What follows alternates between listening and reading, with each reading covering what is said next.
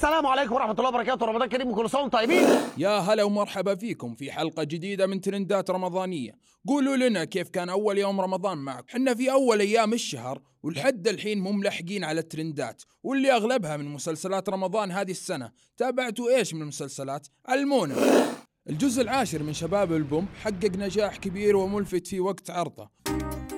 خاوي الخوي اللي عن الناس يغنيك. ومو بس في السعودية يا حبيبي. في كل دول الخليج.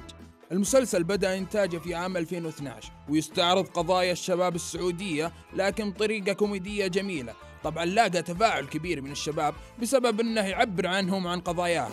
السلام عليكم ورحمة الله وبركاته. رمضان كريم وكل سنة وأنتم طيبين. طبعا جمهور ومحبين الفنان رامز جلال منتظرين المقالب في برنامجه بكل سنة واللي صار اسمه السنة هذه رامز Never End.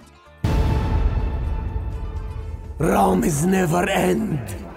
في ضحايا كثير من نجوم الفن والرياضة وغيرهم زي أحمد السقا محمد رمضان مصطفى كامل محمد فراج بسنت شوقي وشيماء سيف ونسرين أمين وهنادي مهنا وإيمان العاصي ووفاء عامر ومحمد فؤاد وأمير عيد وأحمد حاتم وغادة إبراهيم وهنادي مهنا.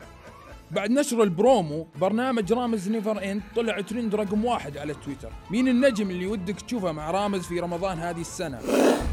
بلاش اناطة أنا بخاف أبلع ريقي. حسنة سام ما تقلقش. الحياة ما بتبلعش سمها طه ده لو آخر راجل في الدنيا. أما ال look اللي لفت نظر كل المشاهدين هو look أمير كرارة في مسلسل سوق الكانتو واللي البعض شبهه بلوكات المسلسل البريطاني الشهير Peaky Blinders.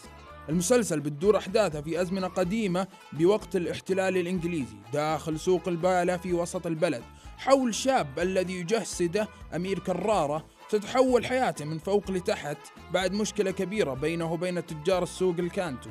يدخل أثرها المستشفى ويتحول بعد هذه الواقعة إلى راعي مشاكل يفرض الإتاوات على تجار السوق.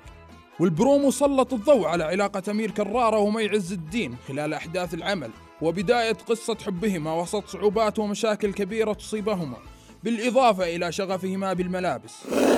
صقر أحمد العوضي. الناس متحمسة تشوف مسلسل أحمد العوضي خاصة بسبب المشهد هذا واللي طلع فيه راكب دباب أو موتوسيكل وفيه صقر واقف على ظهره. وكل المشاهدين كانوا يتساءلون عن نوع الطير اللي كان عليه. ان هو يقف على كتفك دي مش سهلة. هو صقار يعني صياد صقور. أحمد العوضي طلع وقال إن ظهور الطائر كان له سبب.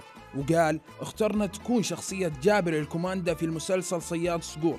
وإنه بسبب المسلسل قرر يتعلم طريقة التعامل مع الصقر عشان يطلع معاه في المشاهد. ومسلسل ضرب نار بتدور أحداثه حول مهرة اللي بتقدم دورها ياسمين عبد العزيز الفتاة الشعبية من شبرا. وجابر أبو شديد أحمد العوضي القادم من سوهاج إلى القاهرة ليفتح ورشة كاوتش في شبرا قل لنا رأيك في الحلقات الأولى من مسلسلات رمضان اللي شفتها.